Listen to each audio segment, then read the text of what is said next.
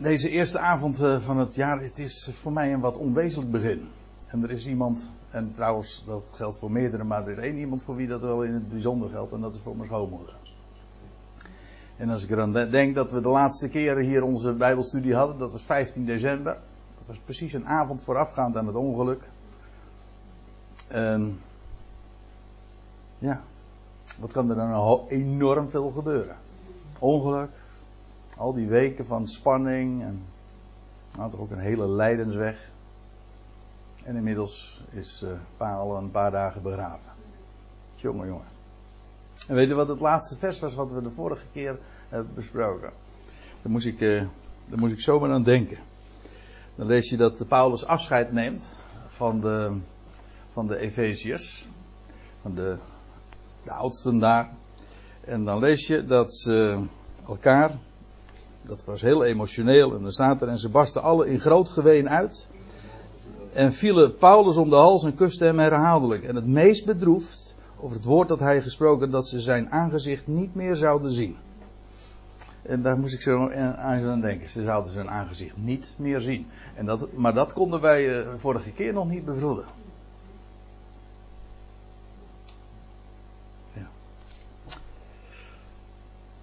Zullen we deze avond opdragen aan onze hemelse Vader. Machtig God en Vader, we danken u dat we hier bij elkaar mogen zijn in alle rust, in alle vrijheid. En zojuist ook realiserend hoe enorm fragiel een mens is en hoe enorm veel er ook in een maand kan gebeuren. En zo denken we eraan dat een lege plaats, verdriet, gemis. Maar bovenal aan het geweldige licht van uw woord. Dat over dat verdriet heen mag schijnen. En dat uitzicht dat u ons geeft. We danken u, Vader, dat dat woord de solide grond is. Altijd in leven, in sterven. Dat we daar ook altijd weer verder mee kunnen. Dat we onze hoofd mogen opheffen naar boven, naar vooruit. Want de grote toekomst, het mooiste, dat wacht nog. We bevelen ook de avond zo van, van vanavond bij u aan en geef ons een heerlijke avond rondom uw woord. Dat het licht van uw woord mag schijnen in onze harten, onze levens en dat het ons doet stralen. Geef ons zo verlichte ogen, help ons in het spreken, in het luisteren. En we danken u ook voor de ontmoeting zo met elkaar rondom een geopende Bijbel. Amen.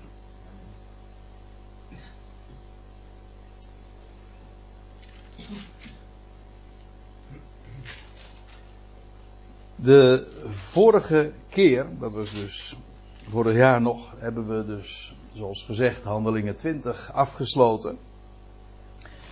En daarmee is tevens een niet alleen maar een Bijbelhoofdstuk afgesloten, maar het is ook een mijlpaal, omdat in Handelingen 21 er een hele nieuwe fase in Paulus' leven aanvangt. Per slotverrekening, we houden ons bezig met de voetsporen van Paulus. En met Handelingen 20 eindigen ook Paulus' zendingsreizen, zoals dat dan heet. Maar strikt genomen is dat ook zo, want hij werd iedere keer ook inderdaad uitgezonden. Handelingen 20, als hij dan afscheid neemt van de Efeziërs, of van de ouderlingen daar van Efeze, dan gaat hij, en laat ik dan meteen maar in vers 1 beginnen, ik hoef verder nu even niet terug te blikken. Ik stel voor dat we gewoon vanaf nu ook meteen de koe bij de horens vatten en zullen we ook vanzelf wel zien hoe hier een, een totaal ander, we een totaal ander spoor betreden. Er staat dit. Als het echter gebeurde dat wij wegvoeren, zoals gezegd, en de vorige keer had ik dat trouwens ook al even laten zien. De tekst die u hier ziet, die sluit zo nauw als mogelijk bij, aan bij de tekst van uh, de interlineair. En dan staat er als het echter gebeurde dat wij wegvoeren. En die wij, dat is een heel gezelschap. Negen man in ieder geval. Want het is de schrijver Lucas. en Paulus, wij, dat betekent dus in ieder geval Paulus, maar ook de schrijver sluit zich erbij in en dat is Lucas. Maar ook de in hoofdstuk 20 vers 4 genoemde Sopater, Aristarchus, Secundus, Gaius, Timotheus, Tychicus en Trofimus. Dus in totaal negen man.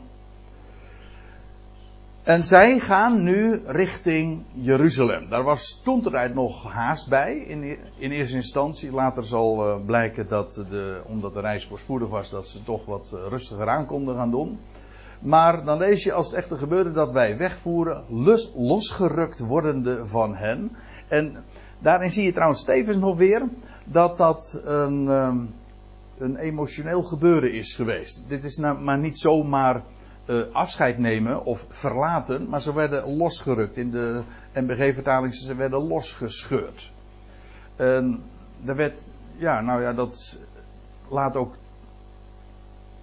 Dat onderstreept ook precies wat we in, uh, aan het einde van hoofdstuk 20 vinden. Hoe Paulus afscheid van hen neemt en hoe de wijze waarop dat dan gebeurde met luid geween en dat kussen van elkaar en de bedroefdheid omdat ze zijn aangezicht niet meer zouden zien. Ze werden dus inderdaad losgerukt van hen en die hen dat slaat dus op het gezelschap uh, dat daar aan het strand van Mileten elkaar uh, had getroffen. En dan staat er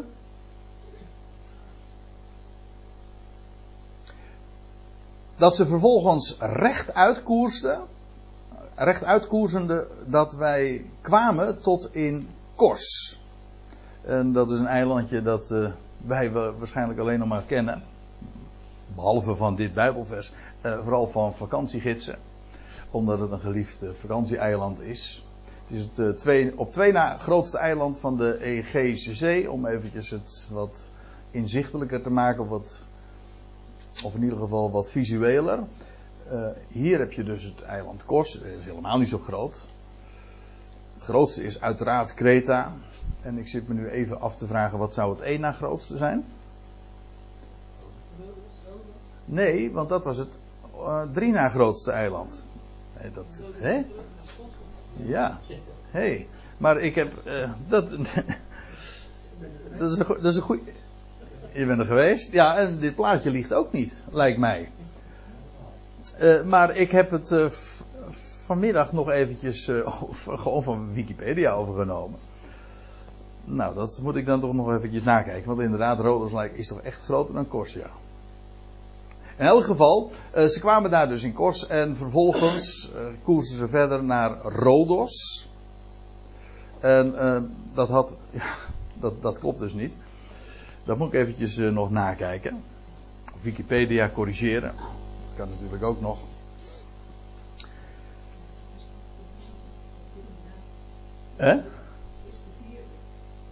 Ja, maar dan zou uh, als op, dan is uh, Kors niet de op twee na grootste.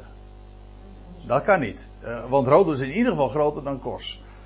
Nou ja, het kan ook nog zijn dat ik het gewoon eventjes niet goed gelezen heb en dat ik het verkeerd heb overgenomen. Hou me ten goede, maar in ieder geval, het, het hoort bij de flinkere eilanden van de Egeïsche Zee. Want over het algemeen zijn ze wel heel erg piepklein.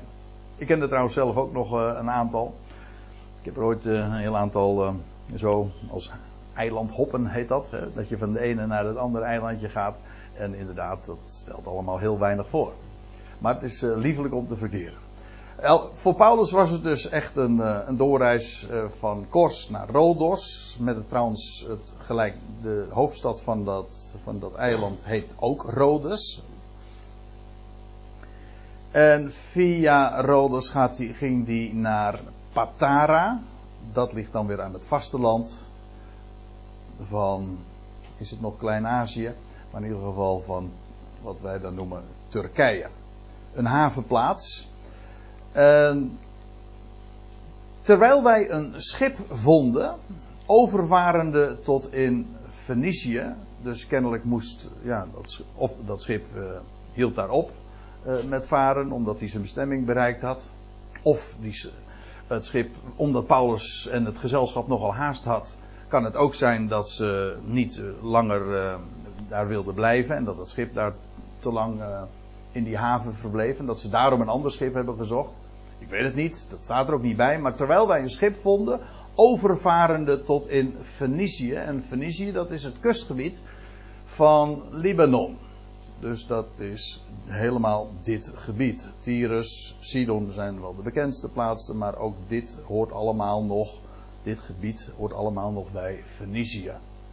Dus ze gaan van Patara zo naar Tyrus toe. Uh, nou ja, ik moet er trouwens bij zeggen, ze zouden eerst nog uh, noordelijker gaan, maar laat ik even verder lezen. Uh, terwijl wij een schip vonden overvarende tot in Fenicië, stapten wij aan boord en voeren weg. En dat is een reis van pakweg 650 kilometer. Dat doe je niet zo eventjes in een paar dagen. En toen wij, te, en toen wij Cyprus in zicht kregen. dat eiland kennen we. Ik bedoel ook van het boek Handelingen, want het was het eiland waar Paulus met Barnabas zijn, zijn reizen aanving. Barnabas was trouwens een Cypriot. Vinden we allemaal in Handelingen 13. Eh, maar ze kregen Cyprus in zicht, maar we lieten haar links liggen. Dat is een vrij dubbelzinnige uitdrukking in dit verband. Want het was ook letterlijk uh, links. Want u ziet, ze reisden van Patara en ze, als ze op deze manier vaart, dan zie je, dan, ze zagen het eiland Cyprus opdoemen, maar ze gingen niet zo, maar ze gingen zo. Dat, ik heb me laten vertellen dat dit was, dat alleen grotere schepen zo gingen en kleinere schepen die maakten een veiligere route langs de kust. Dus dit zal een groter schip geweest zijn. Hoe dan ook, uh, het eiland link, uh, Cyprus lieten ze links liggen. En en wij voeren tot in Syrië. Ja, want dat is dus. Nou ga ik toch weer even terug. Wij zeggen Syrië is hier. Maar dat gebied van Fenicië, dat heeft dus deels ook een overlap met, met Syrië. Uh, wij voeren tot in Syrië en we kwamen aan land te Tyrus. En nu vraag ik me even af, betekent dat nu dat Tyrus behoorde tot Syrië? Hm? Ja, daar lijkt het wel op. Ja, wij voeren. Ik, want ik, ja, en we, dat hoeft dus niet. Nee, dat klopt. Nee, dat is ook zo. We voeren tot in Syrië en we kwamen aan land de Tyrus. Ja, dat is een, ehm, een bekende plaats, een bekend eiland, of ja, tegenwoordig schiereiland.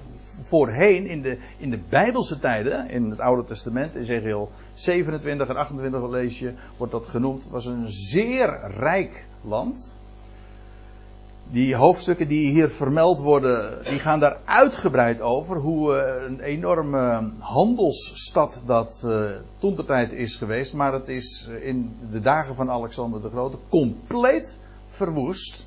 En pas later, omdat het zo'n gunstig gelegen locatie was, hebben ze het weer herbouwd. Hebben het herbouwd, dat heb ik gelezen. Ja. Van het puin van de stad hebben ze een daar ze een eiland gevormd, dan hebben ze weer een nieuwe stad. Maar, zo, maar zodoende is het dus een, een schiereiland geworden. Ja, want het was een eiland en nu is het een schiereiland. Oh, dat wist ik niet. Maar in elk geval, dat, ze voeren door, dus uh, ze komen aan land te Tyrus. Maar om de reden wordt hier genoemd, want daar zou het schip de vracht lossen. Na een tijd lang zoeken vonden wij echter de discipelen. Het, het, het loutere feit dat het zo geformuleerd wordt, geeft dus overduidelijk aan dat ze wisten dat hier discipelen waren. Alleen kennelijk wisten ze dus niet uh, waar ze precies uh, vertoefden. Uh, de discipelen. Ze hadden, waren daarvan op de hoogte. En al eerder in het boek Handelingen lezen we, en nou ga ik even terug naar Handelingen 11. Dan staat er, zij dan die verstrooid werden door de verdrukking welke in verband met Stefanus plaatsvond. En dan staat er, trokken verder tot Fenicië, Cyprus en Antiochië toe, zonder tot iemand eh, het woord te spreken, dan alleen tot de Joden. Maar in ieder geval, dat was hier in deze tijd nog voor de bediening van de apostel Paulus, dat ving pas aan in Handelingen 13. Maar in Handelingen 11 lees je dus al dat het woord doorging tot in Fenicië. Dus ook daar in Tyrus.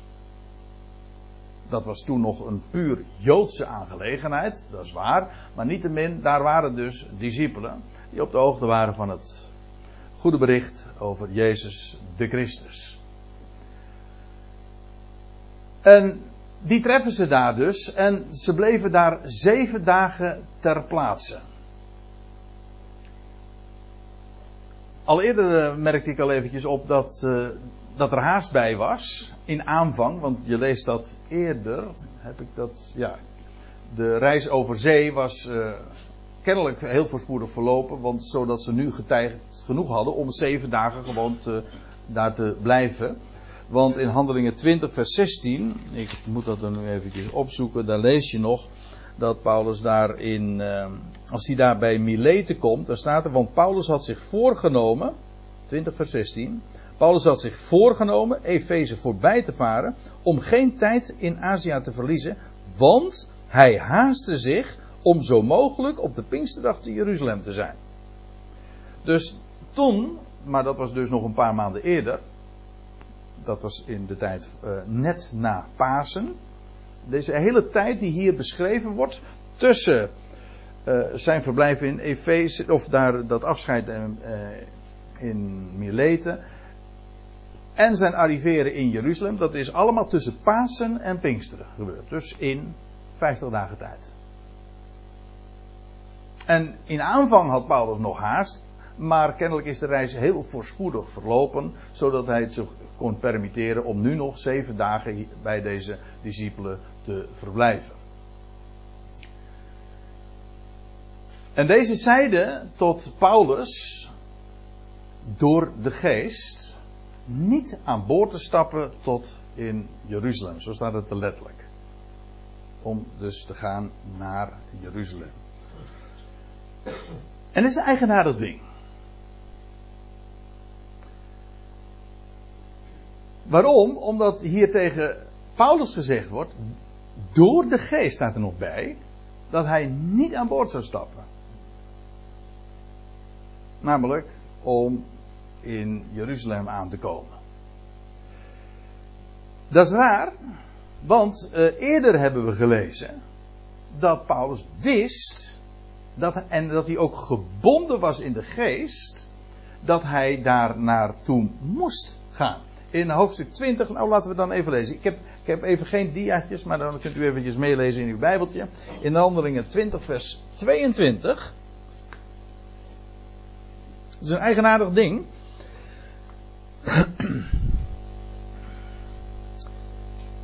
Daar lees je in Handelingen 20, vers 22. En dat Paulus daar dus op dat strand dan zijn toespraak houdt, zijn afscheidsrede. En zie, nu reis ik, gebonden door de geest, naar Jeruzalem. Niet wetende wat wij, mij daar overkomen zal. Behalve dat de Heilige Geest mij van stad tot stad betuigt en zegt dat mij boeien en verdrukking te wachten staan. Dat wist hij dus. En dat was hem keer op keer, van stad tot stad was hem dat al betuigd. Dus hij, hij was daar absoluut zeker van. Dit was een, een, een herhaaldelijk bevestigde boodschap. Naar de mens gesproken was het dus ook inderdaad dwaas om naar Jeruzalem toe te gaan. Juist omdat, omdat hij wist, als, als ik daar naartoe ga, dan staat dat me te wachten. Zodat je, want, nou ik zeg het eigenlijk ook eh, om deze reden bij, omdat men op grond van dit vers, handelingen 21 vers 4, eruit geconcludeerd heeft dat Paulus ongehoorzaam is geweest. Aan de geest. En dat Paulus eh, niet naar Jeruzalem had moeten gaan. Als je alleen dit vers zou lezen, dan heb je een punt. Maar als je het hele, als je het hele verhaal kent, en als je weet wat Paulus al van tevoren had gezegd, namelijk in, toen daar op het strand van Mileten, maar ook en vooral het navolgende. We zullen dat uh, straks, over een paar versen zullen we dat uh, nog zien. Want dan komt hij daar in dat huis van Filippus. En dan, en dan ontmoet hij ene Agabus. En dan krijgt hij weer datzelfde uh, verhaal te horen. Namelijk dat uh, wat hem uh, zou overkomen in Jeruzalem. Dat hij daar gebonden zou worden. Kijk, wat. Het was door de geest dat hem betuigd werd. Maar dat wist Paulus al. Dat hij in Jeruzalem. Dat hem boeien zou, zouden wachten. Het was alleen hun conclusie dat hij dus niet naar Jeruzalem zou moeten gaan. Een hele logische, althans in de menselijke opzicht, een logische conclusie. Maar in ieder geval niet. Uh, daar was Paulus het in ieder geval niet mee eens. Ik loop nou er een beetje erop vooruit, want we zullen het straks uitgebreider zien. We komen daar vanavond denk ik nog wel toe. Of het moet wel heel erg vreemd lopen met de Bijbelstudie, maar uh, straks als we in vers 11 tot en met 14 aankomen, dan zullen we zien dat hij echt wel degelijk naar Jeruzalem toe moest. Dat men het zo zei was alleen maar omdat hem daar boeien te wachten stonden. En niet alleen boeien, want vanaf dit hoofdstuk uh, ja, wordt uh, Paulus niet alleen gevangen, maar ja. Hij zou, zijn, het, zijn reizen, zijn hele evangelisatiearbeid, uh, eindigen gewoon hier in Handelingen 20 uh, ja, zijn geëindigd in handelingen 20 en 21 is het grote wissel feitelijk. Dus we komen hier nog even op terug. Eerst nog eventjes uh, het, het vervolg. Toen echter de dagen kwamen om ons uh, geheel toe te bereiden, dat wil zeggen om ons geheel, gereed te maken, vertrokken wij. En we gingen op reis. Uh, terwijl zij ons allen voortzonden, dat wil zeggen, ze hebben hen daarbij geholpen. En dat is een uh, hele saamhorige gebeuren geweest, want er staat samen met vrouwen, kinderen, tot buiten de stad en toe. En terwijl wij knielden op het strand, baden wij. Dit is een herhaling feitelijk van wat we zojuist hebben gelezen. Of ik bedoel in het direct voorafgaande aan het slot van Handelingen 20. Dat vond toen ook al trouw, trouwens plaats op het strand van Mileten. En toen knielden ze ook. En toen hebben ze ook God gedankt en gebeden. En terwijl we knielden op het strand, baden wij.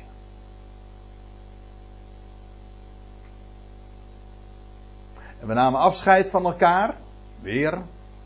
Ja, ze hebben daar zeven dagen vertoefd.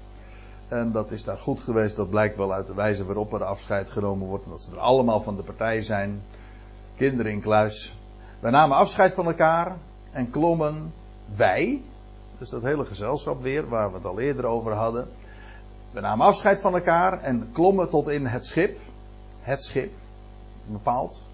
Dat suggereert dat dat weer datzelfde schip is als waar ze eerder mee voeren.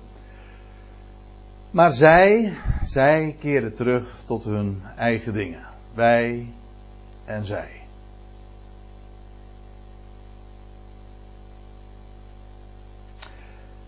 Na afloop echter van de vaart vanaf Tyrus arriveren wij in Ptolemaïs. Dat is een beetje een vreemd woord om uit te spreken. Ptolemaïs. Maar uh, ja, zo heet dat nu een keer. En dat is dan weer uh, ongeveer 60 kilometer onder Tyrus. Ook aan de kust. En dat is genoemd naar een Egyptische koning, of Egyptische koningen. De Ptolemaeën heette die. En dat was in de derde eeuw voor Christus. Maar deze stad is veel beter bekend, ook juist nu weer. Maar ook wat uh, de oorspronkelijke naam betreft, als Akko. In het boek Richteren lees je al over Akko. Dat was de eerdere naam van de stad die hier dus Ptolemaïs heet. Maar ook vandaag heet de stad weer gewoon Akko. En dat ligt hier. Hier heb je dus meer van Genezeret. Hier heb je de grote stad Haifa. Dit is een moderne kaart van Israël. En uh, een paar kilometer daarboven heb je de stad Akko. Hier heb je de, het gebergte van Karmel. Dat ligt er allemaal vlakbij. Maar in ieder geval, hier uh, arriveerde Paulus daar uh, vervolgens. Dus Ptolemaïs. En staat er, en wij begroeten de broeders en wij bleven één dag bij hen. Meer wordt dan niet vermeld. De broeders, dus die waren ook daar. En uh, het is een kort verblijf wat men daar heeft. De volgende morgen echter, we zijn vers 8, de volgende morgen, want dit is, ja, dit is Lucas reisverslag. Hij vermeldt al met precisie allemaal de, de plaatsen die ze zo aandoen en de eventuele opmerkingen die daarover te maken zijn. De volgende morgen echter vertrokken wij, en dat is kennelijk per schip weer. En kwamen tot in Caesarea. Dit suggereert dat ze diezelfde dag nog in Caesarea arriveerden. Dat kun je met de voet nooit bereiken. Zeker niet als je weet wat voor, wat voor, uh, voor bergen je daar nog weer moet uh, bedwingen. Heb ik hier nog een plaatsnaam? Nee. Wacht, ik, laat ik het even zien. Nee. Oh, dat kaartje ben ik nou weer net kwijt. Of in ieder geval heb ik er niet bij gedaan. Uh, hier heb je dus Akko. Ze kwamen daarboven vanaf uh, Tyrus. En, en, nog weer eventjes uh, daaronder heb je Caesarea. Als ik me niet vergis ligt dat boven. Dan moet u eventjes corrigeren als, als ik het niet juist zeg. Ligt dat boven het huidige Tel Aviv. Hè? Ja.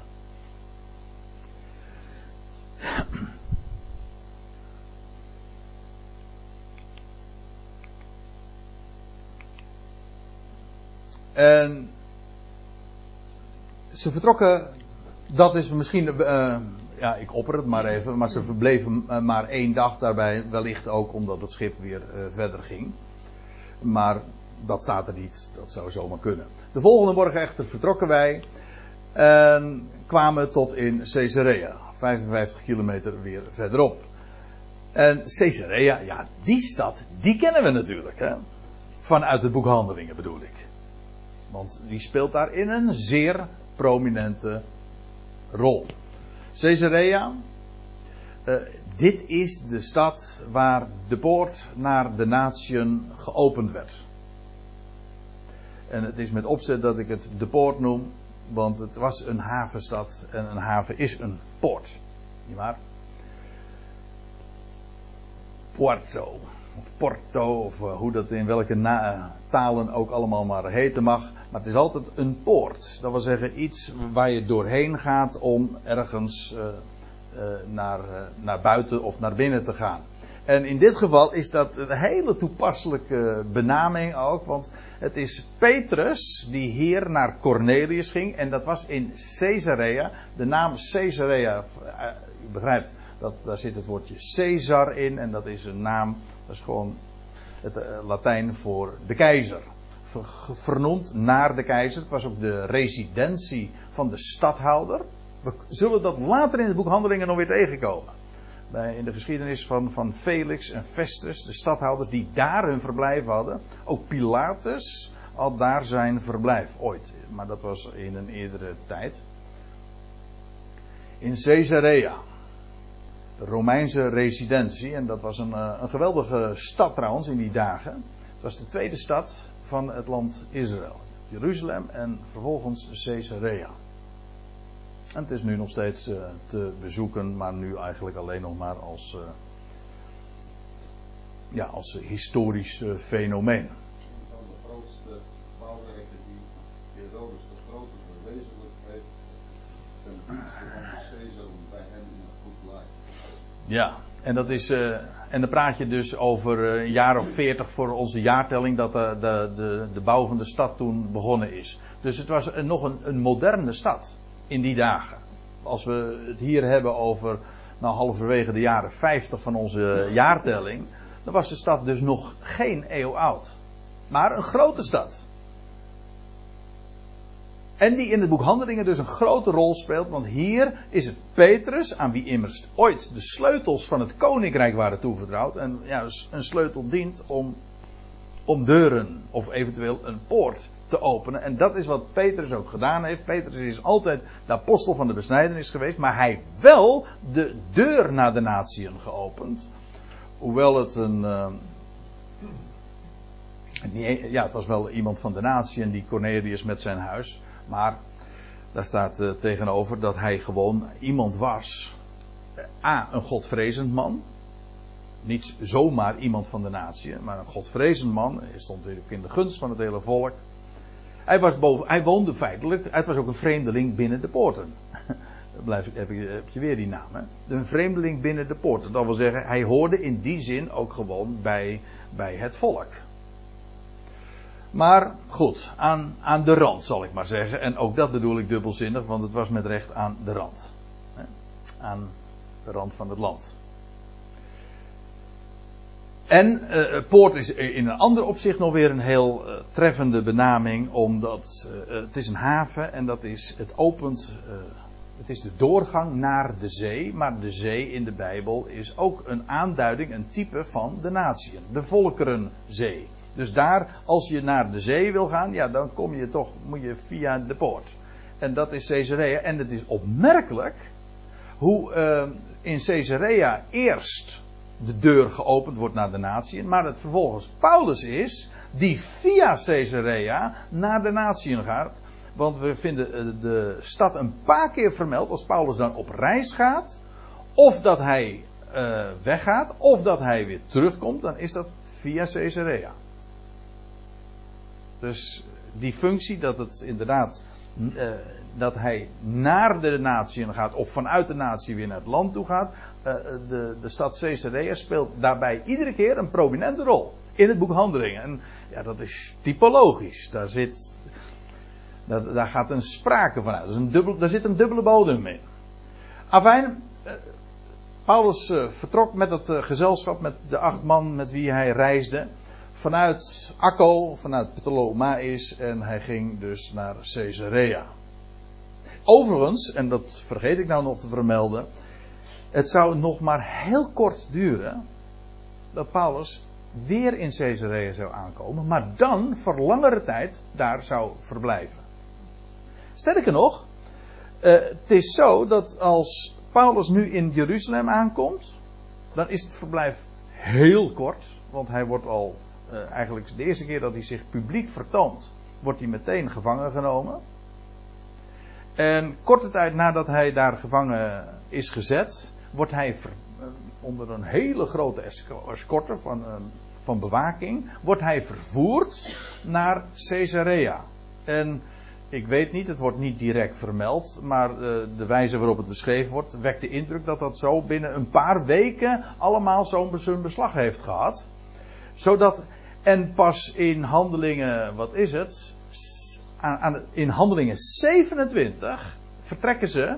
Pas uh, vertrekt Paulus vanuit Caesarea en gaat hij dan, moet hij naar Rome toe uh, gaan. Maar dat betekent dus dat eigenlijk het grootste gedeelte wat we nu nog gaan krijgen in het boek Handelingen, dat speelt zich allemaal af in Caesarea. Nou ja, we gaan er nog uh, uitgebreid op in. Want wat er nu nog gaat volgen, nog handelingen 21 tot en met handelingen 28. Daar, het grootste gedeelte daarvan is, een, is het verhalen van dat wat er gebeurd is en vooral gesproken is in deze stad, Caesarea. Nou goed, daar kwamen ze dus aan in Caesarea. En terwijl wij binnenkwamen in het huis van Filippus, aha, die kennen we, de evangelist. De brenger van het goede bericht, want dat is wat een evangelist is. En hij wordt zo genoemd omdat hij die functie ook vervult in het boek Handelingen. Er is zelfs een heel hoofdstuk feitelijk aan hem gewijd, aan zijn arbeid. Namelijk in Handelingen 8. Hij wordt Filippus de evangelist genoemd, wellicht omdat hij ook moet worden onderscheiden van een andere Filippus die we kennen in de schrift. Namelijk de apostel, de afgevaardigde, een van de twaalf. Filippus hoorde niet bij de twaalf, hij hoorde bij de zeven. We zullen dat hier zo ook zien. Hè? Maar hij, hij heet ook de evangelist omdat hij die functie ook vervulde. In, in Samaria lees je dat het is, het is Filippus die naar Samaria gaat. En daar uh, zeer vruchtbare arbeid verricht.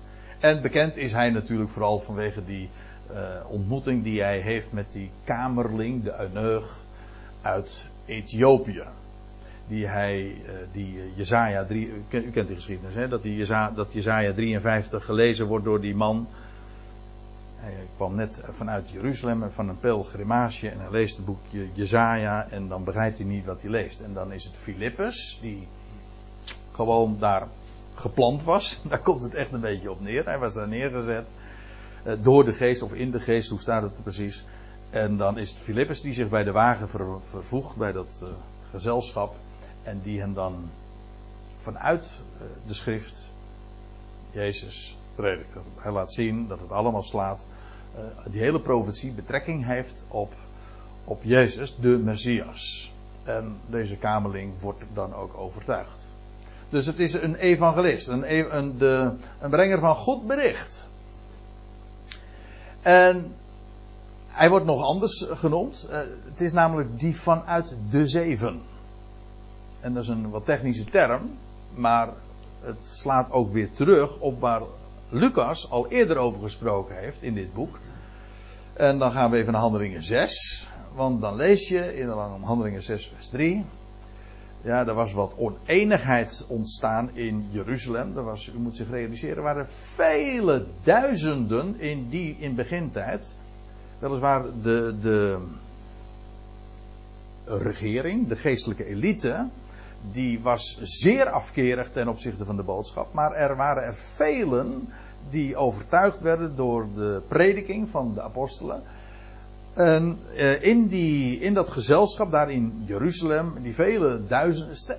Nou, we zullen straks, nou straks niet meer denk ik, maar later zullen we nog wel zien dat eh, in, ehm, in, daar in Jeruzalem waren er tienduizenden Joden die allemaal geloofden in de Messias. En ze waren bovendien ijveraars van de wet.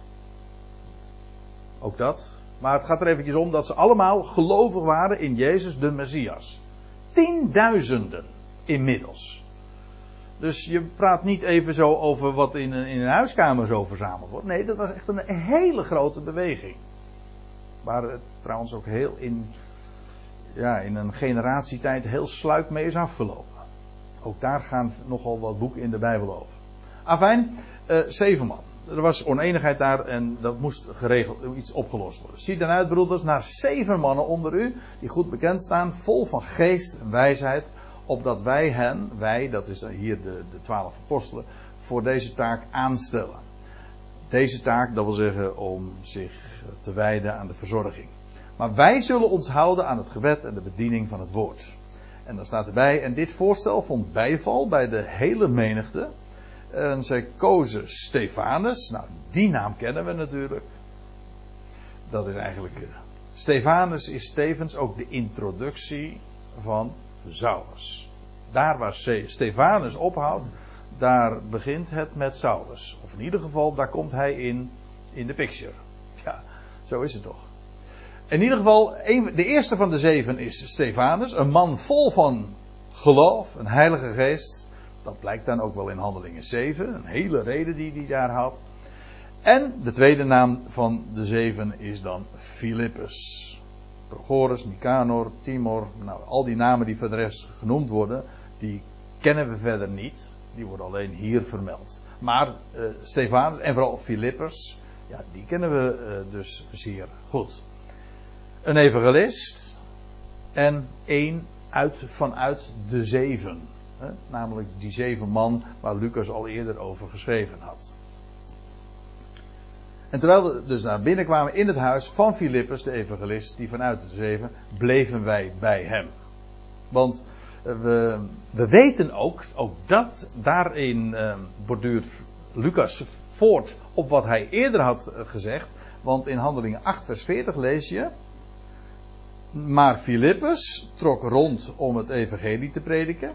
Vandaar dus evangelist. Aan alle steden. Totdat hij te Caesarea kwam. Dus daar bleef hij kennelijk steken. Nou, en voor de rest eh, van Filippus vernemen we niets meer. Totdat we hem in Handelingen 21 weer tegenkomen. En daar woont hij dan nog steeds. Daar heeft hij zijn, uh, zijn plaats gevonden. En,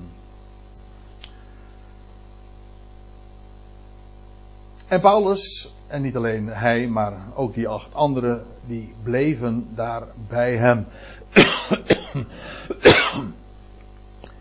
Deze had, en daar is hij ook bekend om, vier dochters, maagden, in de MBG vertaling staat ongehuwd. Maar in de Bijbelse betekenis is dat ongeveer uh, is synoniem. Ja, dat is uh, in uh, Nederland anno 2017 anders. Maar in Bijbelse begrippen is dat, zijn dat synonieme begrippen. Deze had vier dochters, maagden. en dan staat erbij profeterende. Er staat in de NBG-vertaling die profetessen waren. Maar dat is nou weer het mooie van de interlineaan, niet waar, uh, Menno. Dan zie je. Daar staat eigenlijk in de, staat in de tegenwoordige tijd. Profeteren dus. Dat wil zeggen, ze waren bezig te profeteren. Dat is wat het betekent. Ja, ik heb mijn Griekse les wel geleerd hoor. Onvoltooid tegenwoordige tijd. Hij was, ze waren dus aan het profeteren. En nou kun je zeggen van profeteren dat is een doorgaans, zeker het publieke gebeuren, een, eh, een mannelijke aangelegenheid. Dat is ook zo. Maar, dan moet ik er wel bij zeggen, je vindt toch nogal wat namen hoor in de Bijbel. Van dames die daarom bekend zijn. Dat ze profeteren. Namens God spreken. In het, in het Grieks betekent profeteren eigenlijk letterlijk voorzeggen. In het Hebreeuws is de betekenis nog wat anders. Dan heeft het te maken met het woordje mond. Een profeet is de mond, namelijk van God. Is, wordt geacht de woorden Gods door te geven. Deze, uh, deze Filippus had vier dochters, maagden, profeterende, staat er. En Mirjam staat er, eh, dat is de eerste bij mijn weten die, van wie we lezen dat ze profeteerde. Wat dacht u van die? Deborah. Die niet alleen trouwens een profetes was, maar ook nog eens eh, een richteres. En Hulda en Anna in de tempel. In Lucas lees je dat. Ja, ik, uh, ik zeg, beweer niet dat mijn lijstje compleet is. Maar dit zijn zo een aantal bekende namen van dames die inderdaad ook profeteerden. Ja, dat is wel opmerkelijk, want er wordt niet vermeld wat ze profeteerden. Ze, ze waren aan het profeteren, zo, dat is de werkwoordsvorm die hier gebezigd wordt. Maar wat ze zeiden, namens God, want dat is wat profeteren toch is, dat wordt er niet bij vermeld. Maar eh, de hele context, het is een suggestie, want het staat er niet, maar de context uh, suggereert dat, uh, dat zij hetzelfde hebben gezegd als wat, waar Agabus mee kwam. Maar dan ga ik meteen eventjes verder. Want, en toen wij daar meerdere dagen verbleven, bij die Filippus dus, in huis, daalde een zekere profeet af van Judea. Dat is een afdaling, want dat, is, dat, dat Judea uh, ligt veel hoger, logischerwijs hè, dan de kust, uh, waar hij nu was. En die profeet, die daalde van Judea af en zijn naam was Agabus. En ook die kennen we weer. Want we lezen in Handelingen 11 ook zijn naam.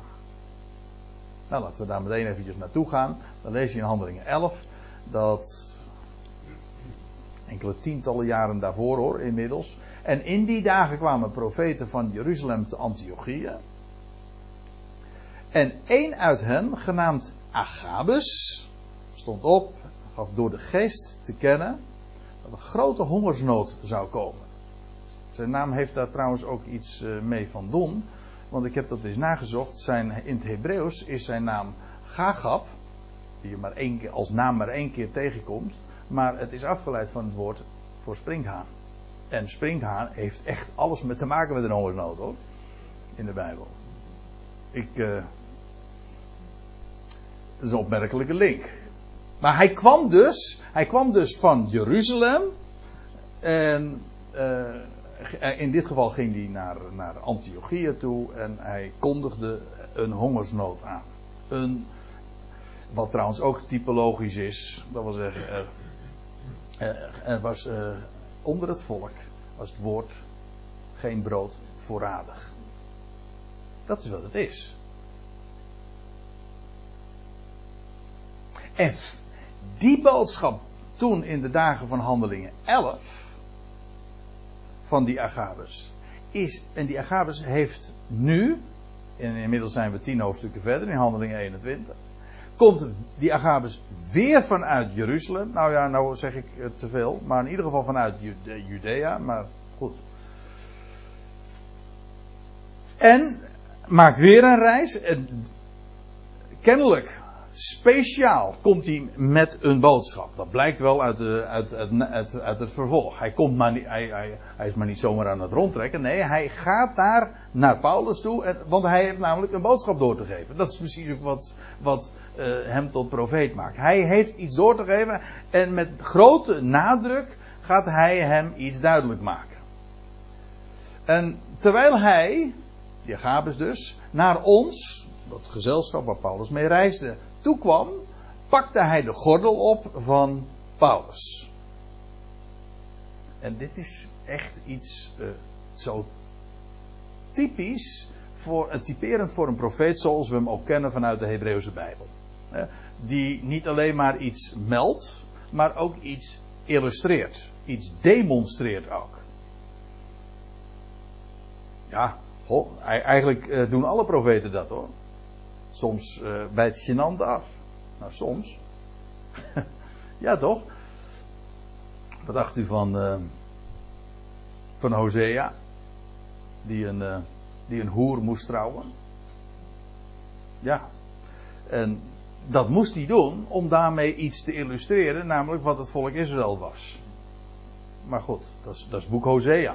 Maar ook als het gaat om kledingstukken, ik heb er daar nog eens eventjes naar gekeken. Maar je leest bijvoorbeeld van die profeet, hoe heette die nou? Hè? Ja, ook Elisa, daar lees je wel van een mantel die in stukken gaat, ja. Um, maar goed, dat vind je ook al, uh, al, al eerder.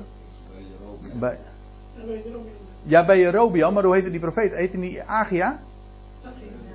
Nou ja, hè?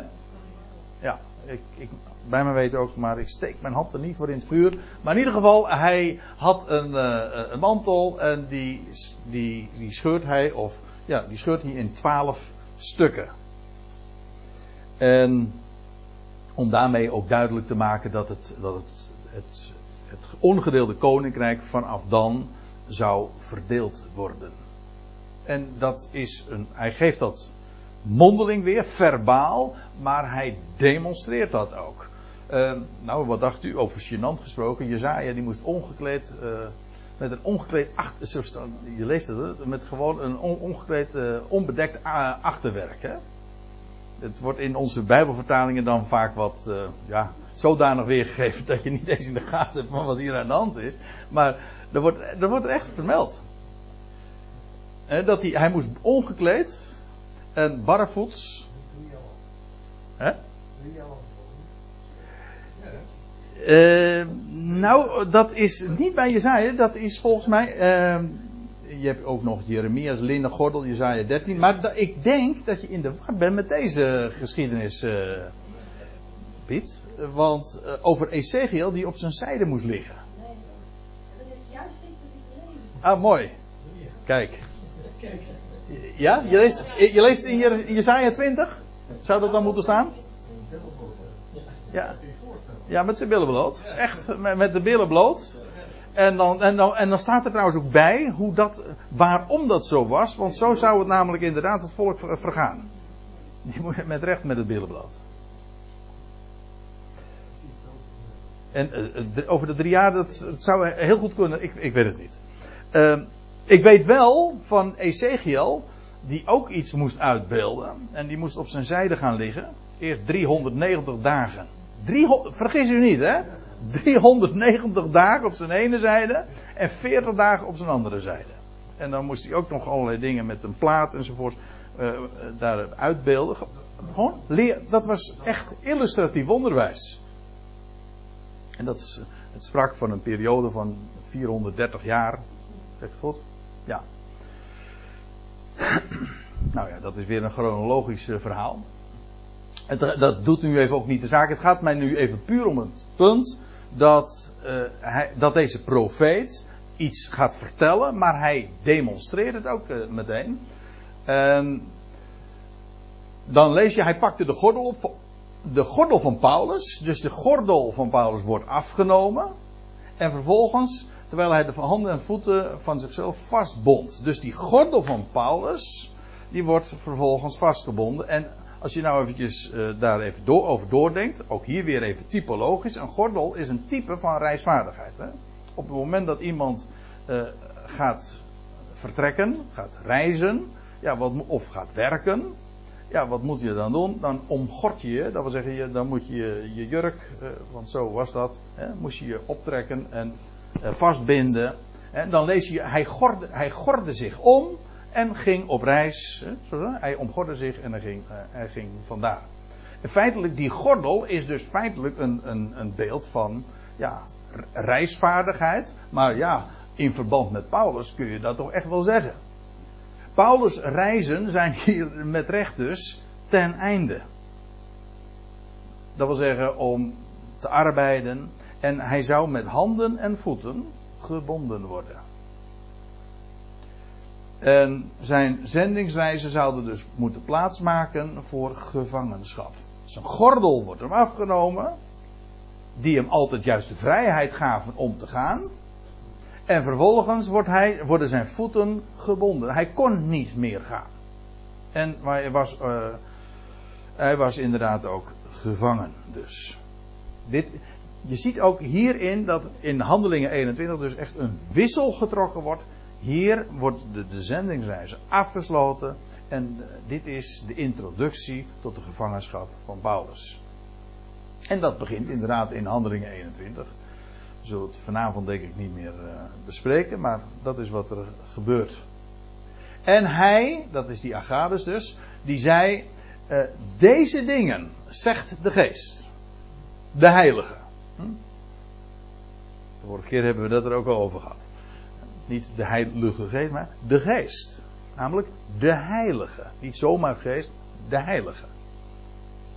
De man van wie deze gordel is, hij had hem van Paulus afgenomen, dus Paulus gordel, zullen de Joden zo binden in Jeruzalem en overleveren in handen van natie. En dat betekent dus ook, en nou kom ik weer terug op wat ik eerder heb gezegd, dat Agabus hier profeteert dat Paulus gevangen zou worden. Hij, dat zal zo gebeuren. Ze zullen de Joden zo binden in Jeruzalem. Maar om eerst om gebonden te worden in Jeruzalem. Ja, moet je wel eerst in Jeruzalem zijn.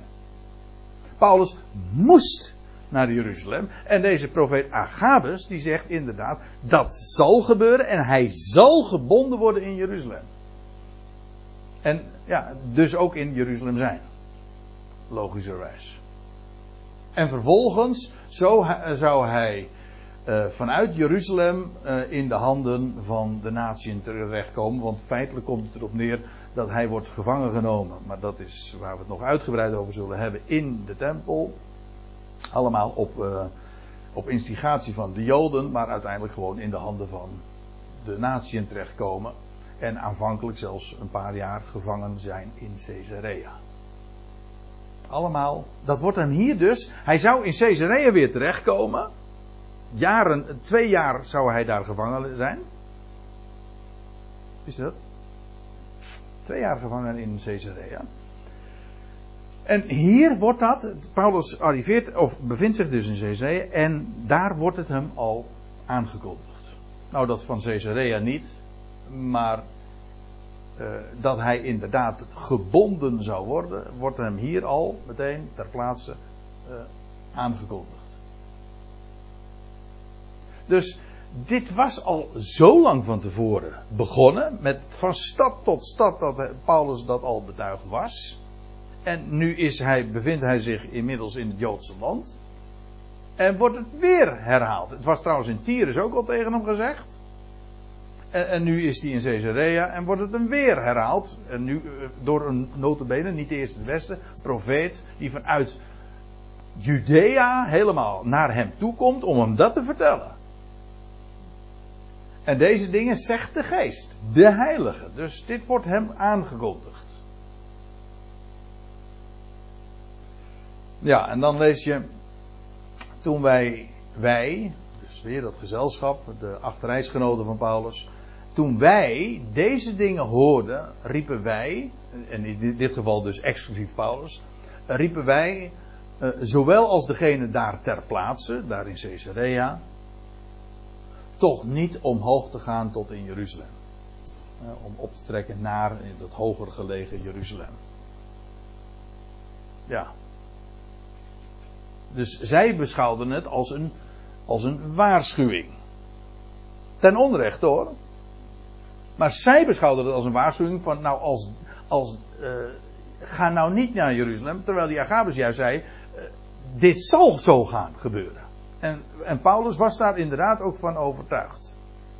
Maar hij is een eenling. Notabene in het gezelschap waarin hij zich bevond. Al zijn reisgenoten die notabene met hem meegegaan waren juist. Dat, we hebben dat al, al, maar dat is al eh, weer heel wat studies geleden. Hebben we gezien dat die reisgenoten waren met hem meegegaan. Om ook, er was een hele inzameling gehouden voor de armen in Jeruzalem. En die, al die mensen waren ja, min of meer gedelegeerd om met elkaar uh, de, de gift af te dragen in Jeruzalem. Maar ja, nu krijgen ze bij herhaling en notabene van een profeet die daar uit Judea, uit Jeruzalem komt en dat aankondigt. Uh, te horen van, ja, je wordt gebonden, dit, dit, gaat dus niet goed. En nu het hele gezelschap zegt van, ja jongens, we, we moeten onze plannen wijzigen. Wij moeten dit niet doen. Niet omhoog te gaan naar, naar, naar Jeruzalem. Of in ieder geval Paulus niet. Eventueel zouden zij verder kunnen gaan. En, maar in ieder geval.